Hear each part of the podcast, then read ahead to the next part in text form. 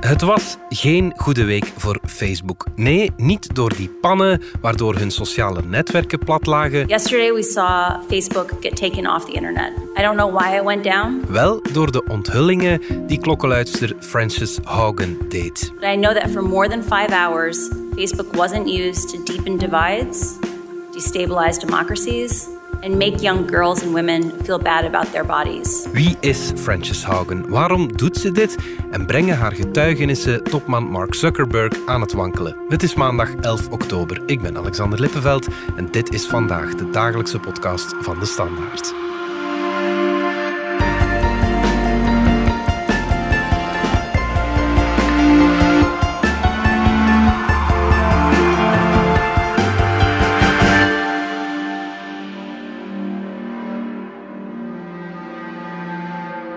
Dominic Dekmijn, technologiejournalist. Facebook is al jaren een van de machtigste big tech bedrijven ter wereld. Maar zelfs een bedrijf als Facebook had vorige week een heel moeilijke week. Hè?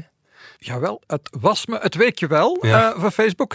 Och, het is intussen alweer bijna vergeten, die, uh, die pannen. Hè, ja. waar, waar, iedereen toen wel op stond te kijken. Maar, uh, maar effectief, Facebook, Instagram en WhatsApp lagen er zes uur lang uit ik heb de indruk dat we het belang van dat soort pannen geneigd zijn te overschatten. Ja. Want die vorige pannen van 2019 en die daarvoor van 2018 was iedereen al lang vergeten. Maar wat er nog gebeurd is, dat was veel ernstiger. Denk ik wel, denk ik wel. En het zal natuurlijk uh, afwachten zijn de volgende weken en maanden of dat inderdaad zo gebeurt. Maar veel mensen hebben de indruk gehad effectief dat uh, Frances Haugen, mm -hmm. de klokkenluidster van Facebook, die haar gezicht laat zien en ook met, met een duidelijk plan naar voren is gekomen. Ja, mm -hmm. Dat blijkt toch een tegenstander te zijn uh, waar Mark Zuckerberg, de oprichter en baas van Facebook, absoluut rekening mee gaat moeten houden. Ja, oké. Okay. Dinsdag heeft ze dan in de Senaat getuigd. I used to work at Facebook. I joined Facebook because I think Facebook has the potential to bring out the best in us. Dat wat een simpele hoorzitting had moeten worden, waarin zij vragen beantwoordt van politici. But I'm here today because I believe Facebook's products harm children, stoke division and weaken our democracy. Maar we kregen in tegendeel eigenlijk bijna een hoorcollege, ja. waarin ze even aan de politici dicteerden hoe dat precies moet, het, uh, het reguleren van sociale media. The company's leadership knows how to make Facebook and Instagram safer, but won't make the necessary changes because they have put their astronomical profits before people. Congressional action is needed. They won't solve this crisis without your help. Wie is die Frances Haugen? Wel, zij blijkt, uh, want dat hebben we inderdaad wekenlang niet geweten. Wie was dat nu binnen Facebook die mm -hmm. documenten aan het lekken was? We weten nu dat zij de titel had van product manager, wat dus niet zo hoog is. Mm -hmm. uh, maar het gaat wel over iemand met respectabele diploma's, mm -hmm. met, zowel in computerwetenschappen als in business. MBA van Harvard. Ja. Maar laten we zeggen, bij wijze van spreken, iedereen die bij Facebook rondloopt, uh, ja. heeft zo'n diploma. Typisch het soort mensen die Facebook in dienst neemt. I have worked as a product manager at large tech companies since 2006. My job has largely focused on algorithmic products like the one that powers the Facebook newsfeed. I understand how complex and nuanced these problems are. Zij had zelf gekozen om bij Facebook uh, specifiek bezig te zijn met desinformatie, met bescherming van de, de politieke dialoog. Dus ook wel iemand die heel principieel met haar werk schijnt te zijn omgegaan. Ja, oké. Okay. Je haalde het al even aan. Ze was lange tijd anoniem. Ze had bepaalde documenten gelekt naar de Wall Street Journal, een zeer belangrijke krant in de VS. De bal is toen aan het rollen gegaan met een aantal opzienbarende stukken. Wat stond in die, in die artikelen? Frances Haugen is in, in mei van dit jaar opgestapt met uh, enkele tienduizenden bladzijden aan documenten, ja. weten we intussen. En daarmee is ze eerst naar de, naar de krant The Wall Street Journal gestapt. Mm -hmm. En daar zijn dan een paar stukken verschenen. Dat is dan al enkele weken geleden intussen, midden september. En dat ging onder meer over het feit dat uh, Facebook uh, niet dezelfde regels toepast op iedereen. Hè. Dat ze bekende mensen, waaronder politici, mm -hmm. uh, meer laten doen dan gewone gebruikers. Okay.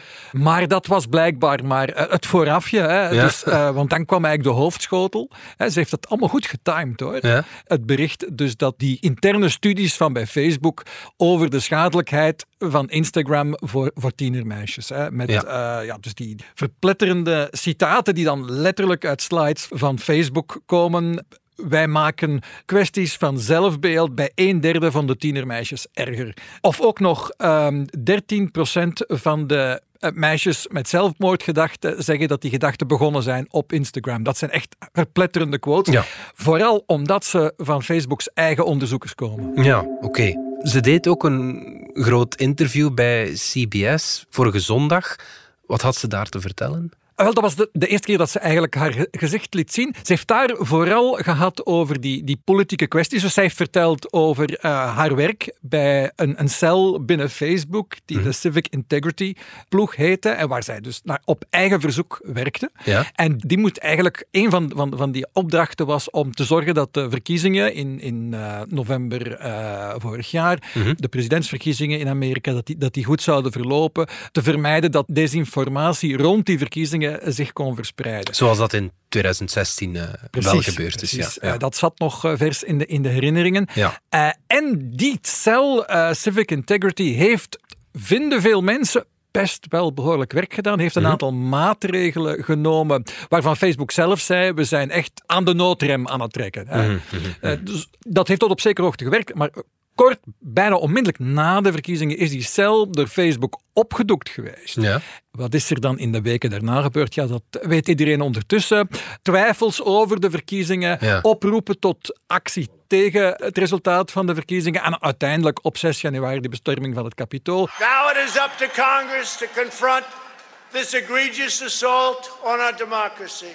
And after this, we're going to walk down and I'll be there with you. We're going to walk down to the Capitol. And we're going to cheer on our brave senators and congressmen and women. En het gevoel, en dat heeft, is zeker wat Francis Hogan heeft gezegd, van Facebook was daar mede verantwoordelijk mm. voor. Heeft dat niet veroorzaakt, maar was mede verantwoordelijk omdat ze te snel die maatregelen waar ze zelf achter stond, waar heel veel van mensen van gezegd hebben, die werken wel, mm. die, die maatregelen te snel heeft afgeschaft. En Facebook changed those safety defaults in the run up to the election because they knew they were dangerous. And because they wanted that growth back, they wanted the acceleration of the platform back after the election, they, re- they returned to their original defaults. And the fact that they had to, to break the glass on January 6th and turn them back on, I think that's deeply problematic. En dat ging dan bijvoorbeeld over maatregelen zoals het moeilijker maken om een, weblink te delen op Facebook. Als je iets wilt verder delen, moest je er eerst eens op geklikt hebben. Oh, en om een of andere reden wilde Facebook dat dan zo snel mogelijk weer afschaffen, terwijl de Haugen zegt nee, dat, dat moet je eigenlijk zo houden. Het was eigenlijk een hele crescendo, haar hele, ja, laat het onze mediastrategie noemen, het is natuurlijk meer dan dat, naar een hoorzitting in de Senaat. Wat voor een indruk gaf ze daar? Wel, ik heb de afgelopen jaren een paar hoorzittingen over sociale media gevolgd. Ja. En die, die zijn urenlang en daar gebeurt eigenlijk heel weinig in. En ja, hier heeft zij helemaal het bord omgedraaid. Hè. Dus uh, die, die, Frances Hogan, wat zij daar heeft gegeven was uh, ja, eerst ja, een, een lesje in, in, in mediacommunicatie. Ze heeft, hmm. ze, heeft eerst de media meestelijk bespeeld en dan die politici.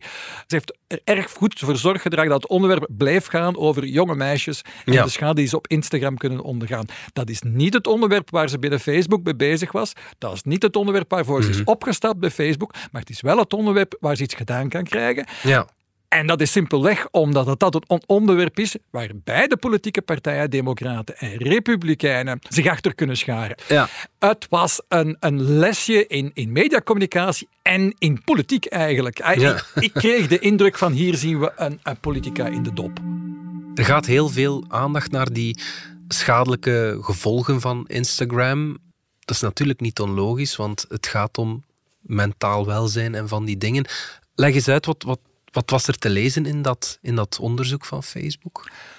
De onthullingen zelf waren op zich niet nieuw. Dat is trouwens mhm. ook een kritiek die je links-rechts hoort, maar dat wisten we toch allemaal. Twee van de studies die geciteerd zijn dateren van 2019. Mhm. In 2019 waren er al externe studies verschenen die zeggen van ja, eigenlijk zijn sociale media niet goed voor Tienermeisjes, zelfbeeld, voor ja. sommige meisjes, eh, jo- jonge meisjes, jongens ook, maar het ging vooral over jonge meisjes en hun zelfbeeld. Ja. Sociale media zijn er in het algemeen nadelig voor en specifiek Instagram is daarin heel negatief, omdat het een plek is waar met name celebrities een, een heel mooi beeld, een geïdealiseerd beeld van zichzelf eh, Een presenteren. onrealistisch beeld Een vaak. ja. onrealistisch schoonheidsideaal Ja, waarvan veel meisjes vinden dat kan ik nooit bereiken en dat is, dat is heel ontmoedigend, dat genereert Hmm. negatieve gevoelens. Mhm. Facebook is dat zelf gaan onderzoeken en zegt nu van ja, dat bewijst juist hoe moedig dat we zijn en dat we die problemen echt proberen aan te pakken. En dat klopt eh, tot op zekere hoogte ook. Die dingen zijn onderzocht. Ja. Die presentaties zijn nu uitgelekt. Daar staan dan, eh, ja, ik had er net een paar van die dingen geciteerd. Hè, dus eh, 13% van de meisjes met zelfmoordgedachten zegt die zijn op Instagram begonnen. Dat zijn vernietigende quotes. Echt Ja, vernietigende ja, quotes. ja, ja. Vooral omdat ze van de eigen onderzoekers van Facebook kwamen. Maar uiteindelijk hebben die onderzoeken niet tot ingrijpende veranderingen bij Instagram geleid. Facebook understands that if they want to continue to grow, they have to find new users. They have to make sure that that the next generation is just as engaged with Instagram as the current one. Um, and the way they'll do that is by making sure that children establish habits before they have good self-regulation by hooking kids. by hooking kids. Dit gaat eigenlijk over wat Instagram is. Hè? Ja, De- de- ja. Een plek met, met, die- met die foto's van, van celebrities die dan gevolgd worden.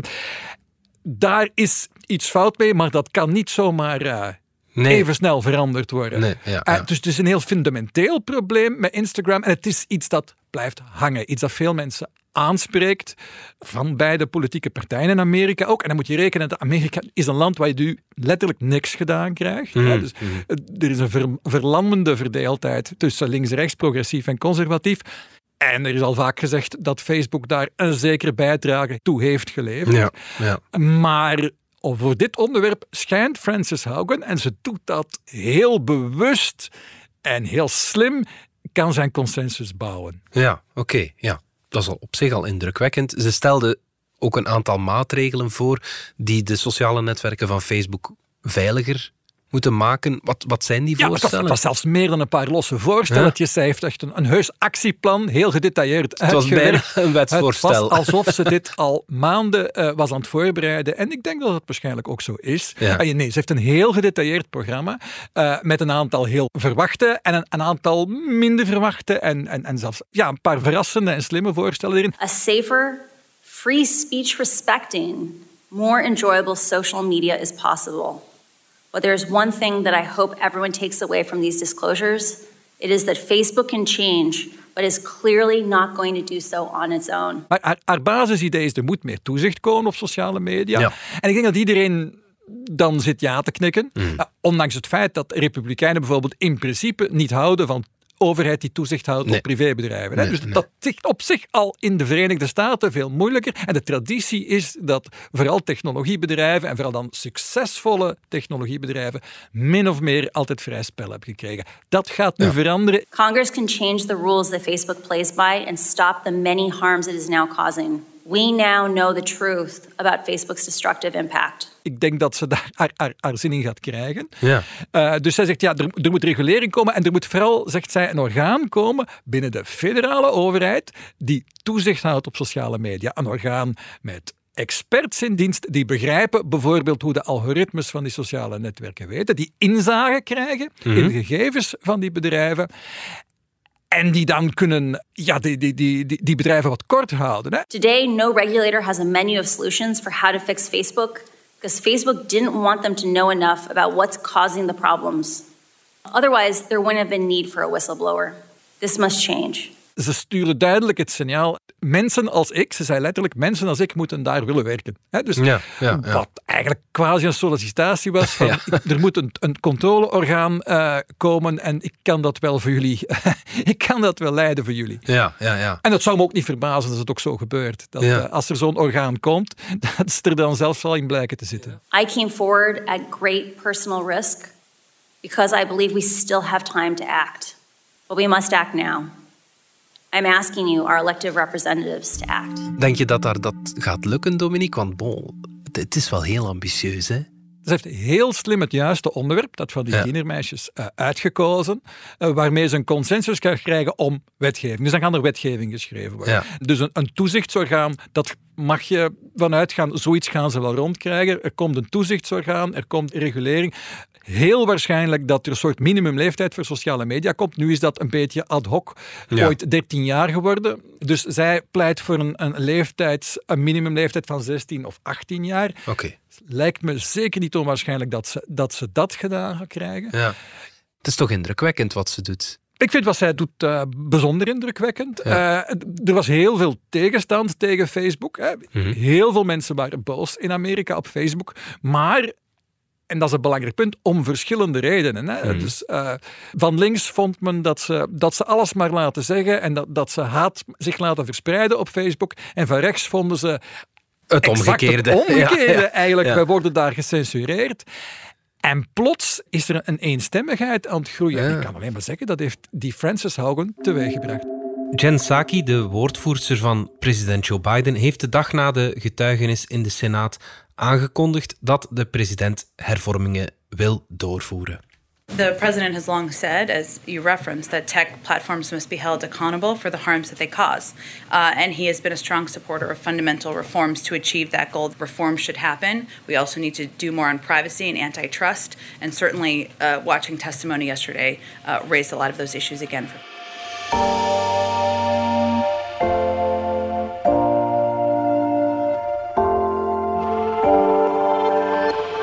gaan er heel even tussenuit. Ik maak graag een half minuutje plaats voor een voorsmaakje van de podcastreeks De Schaduw van Dutroux. Het toont de deur met een zekere trots. Je moet naar links draaien, voor zover mogelijk in die krappe ruimte, om een met staal beklede deur te zien die niet op slot kan. Daarachter bevindt zich een bedframe van houten latten en een matras dat van boven totaal vergaan is. Het geheel vormt een soort grafkelder van 99 centimeter breed en 3,34 meter lang. In de podcastreeks De Schaduw van Dutroux onderzoeken we wat de zaak Dutroux betekend heeft voor België. Wat blijft er vandaag nog over van dit nationaal trauma? En waarom raakt de zaak aan zoveel Belgische pijnpunten? In de vierde aflevering vragen we ons af of de zaak Dutroux echt typisch Belgisch is. Bestaat er zoiets als de Belgische ziekte? Of beelden we ons dat maar in? U vindt de reeks in de podcast-app van De Standaard.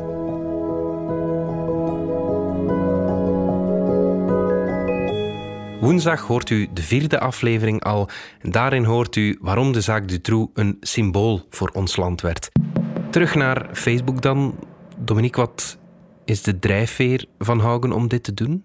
Wel, ik ben geneigd haar te geloven als ze zegt dat ze bij Facebook was begonnen in 2019 met de echte bedoeling van Facebook beter te maken. Ja, Hè. Ze heeft idealisme, expliciet- ze heeft zelf ja, ja. uit idealisme ze heeft gevraagd om lid te worden van die werkgroep, Ja. die zegt men vrij goed werk heeft geleverd rond die verkiezingen. En toen die werkgroep dan na de verkiezing is opgetoekt, eh, waren heel wat mensen boos. En dat zij toen is opgestapt, teleurgesteld eh, en dan beslist heeft, zegt zij zelf van kijk, ik heb gezien wat er met mensen gebeurd is die het van binnenuit proberen te veranderen. Ja. Eh, ik moet naar buiten stappen, maar ik moet voldoende documenten bij eh, hebben om een sterk verhaal te brengen. Ik pak al die documenten mee. Wat natuurlijk eh, een risico is, want Ja. dat mocht ze natuurlijk niet zomaar Nee, doen. nee, nee. Almost no one outside of Facebook knows what happens inside of Facebook. The documents I have provided to Congress prove that Facebook has repeatedly misled the public about what its own research reveals about the safety of children, the efficacy of its artificial intelligence systems, and its role in spreading divisive and extreme messages. I came forward because I believe that every human being deserves the dignity of the truth. Ik denk dat ze het hele gesprek, Ja. eh, het, het, het narratief, het verhaal rond Facebook echt ingrijpend heeft veranderd. Er, Ja. er was een gevoel van, er is iets mis met dat bedrijf, het is te machtig. Het publiek heeft, heeft eigenlijk geen vat op, maar zij heeft een, een, een heel gedetailleerd, met documenten ondersteund narratief gevraagd van, kijk, dit is wat er gebeurt. Ehm, Ja. dit bedrijf weet intern dat er problemen zijn, maar als puntje bij paaltje komt, uiteindelijk zegt het management dan al te vaak: Goh, maar dat gaat ons te veel geld kosten. Dat is niet goed voor de omzet. Ja. We gaan het toch maar niet doen, of we doen het maar half. I saw Facebook repeatedly encounter conflicts between its own profits and our safety. Facebook consistently resolved these conflicts in favor of its own profits. The result has been more division, more harm, more lies, more threats, and more combat. It is about Facebook choosing to grow at all costs, becoming an almost trillion dollar company by buying its profits with our safety. Men is die vergelijking gaan maken tussen, tussen Facebook en de tabaksindustrie. En dat is uh, voor Facebook enorm, enorm schadelijk. When tobacco companies claimed that filtered cigarettes were safer for consumers, scientists could independently invalidate these marketing messages and confirm that, in fact, they posed a greater threat to human health. The public cannot do the same with Facebook. De vergelijking met de tabaksindustrie die jarenlang wist dat zijn producten schadelijk zijn, maar daarover twijfel zaaide, interne documenten geheim hield, um, verwarring zaaide. Ja. En dat is natuurlijk niet het hele verhaal, maar het is een, een voor Facebook heel schadelijk verhaal dat nu gemeen goed is geworden. Er is één man waar we het nog niet over uh, gehad hebben. Mark Zuckerberg. Heeft ze iets tegen hem? Wel, zij zegt van niet. Uh, ik, ik vond dat ze opvallend lief was voor hem. Door, door, uh, door te stellen van ja, ik denk niet dat Mark Zuckerberg begonnen is om een bedrijf op te richten dat haat verspreidt. Maar hij heeft wel toegelaten dat bepaalde beslissingen zijn genomen die de verspreiding van haat hebben, hebben verergerd. En dat maakt gewoon een verhaal geloofwaardiger. Hè? Je krijgt de indruk dat ze echt vooral effectief uh, uit is op, op een verandering, eerder dan bijvoorbeeld een afrekening met Mark Zuckerberg. Ja. Wat trouwens ook heel moeilijk is bij Facebook, want het, is nog altijd zo, en dat is een, een, vrij unieke situatie bij, bij Facebook en enkele andere grote technologiebedrijven, is dat, hoewel Mark Zuckerberg al lang niet meer een meerderheid van de aandelen in het bedrijf heeft, Mhm. zijn zijn aandelen wel bevoorrechte aandelen, waardoor hij in principe, hè, als de aandeelhouders van Facebook gaan stemmen over uh, of hij mag aanblijven, dan heeft hij warempel 55% van de stemmen. En Dan kan je niet verliezen natuurlijk. kan je niet echt verliezen. Dus Zuckerberg krijg je niet buiten tot hij zelf beslist op te stappen. Het is simpelweg zo. Dan kun je zeggen dat is ongezond. Ja, ja. Maar dat is nu de situatie bij dat bedrijf. Ja, ja, ja. Oké. Er zouden nogthans heel veel CEO's moeten opstappen als dit soort onthullingen naar buiten komen. Hoe heeft hij gereageerd? Uh, wel, ja, hij heeft dan uh, twee, drie weken lang hoorde je niks van Zuckerberg. Mm -hmm. Heeft hij zich echt weggestoken. Na die artikelen van de Wall Street Journal. Die oorspronkelijke ja. artikelenreeks heeft hij vooral andere mensen als uh, kanonnenvlees vooruitgejaagd, Ja. je de indruk. Ja. Toen hij dan uiteindelijk reageerde, was dat een bijzonder zwakke reactie op zijn een Facebook-post waarin hij eigenlijk een, interne nota publiceert. Die aanval van Francis Haugen, dat was echt ja, een precisiebombardement. Het waren heel goed uitgekozen argumenten, goed uitgedacht, gesteund met documenten. En daar heeft Zuckerberg eigenlijk bijna niks tegen in te brengen. Zijn al die onthullingen eigenlijk een verrassing? Want Facebook is nu eenmaal een multinational, een van de grootste bedrijven ter wereld. Ze willen misschien wel mensen verbinden, zoals ze dat graag zeggen, maar hun voornaamste drijfveer is vooral geld verdienen, denk ik dan. Ja, ik hoor dat vaak. En dat was ook mijn eerste reflex toen ik die eerste onthullingen in, in de Wall Street Journal zag. Ik van, maar dat weten we toch allemaal. Uh -huh.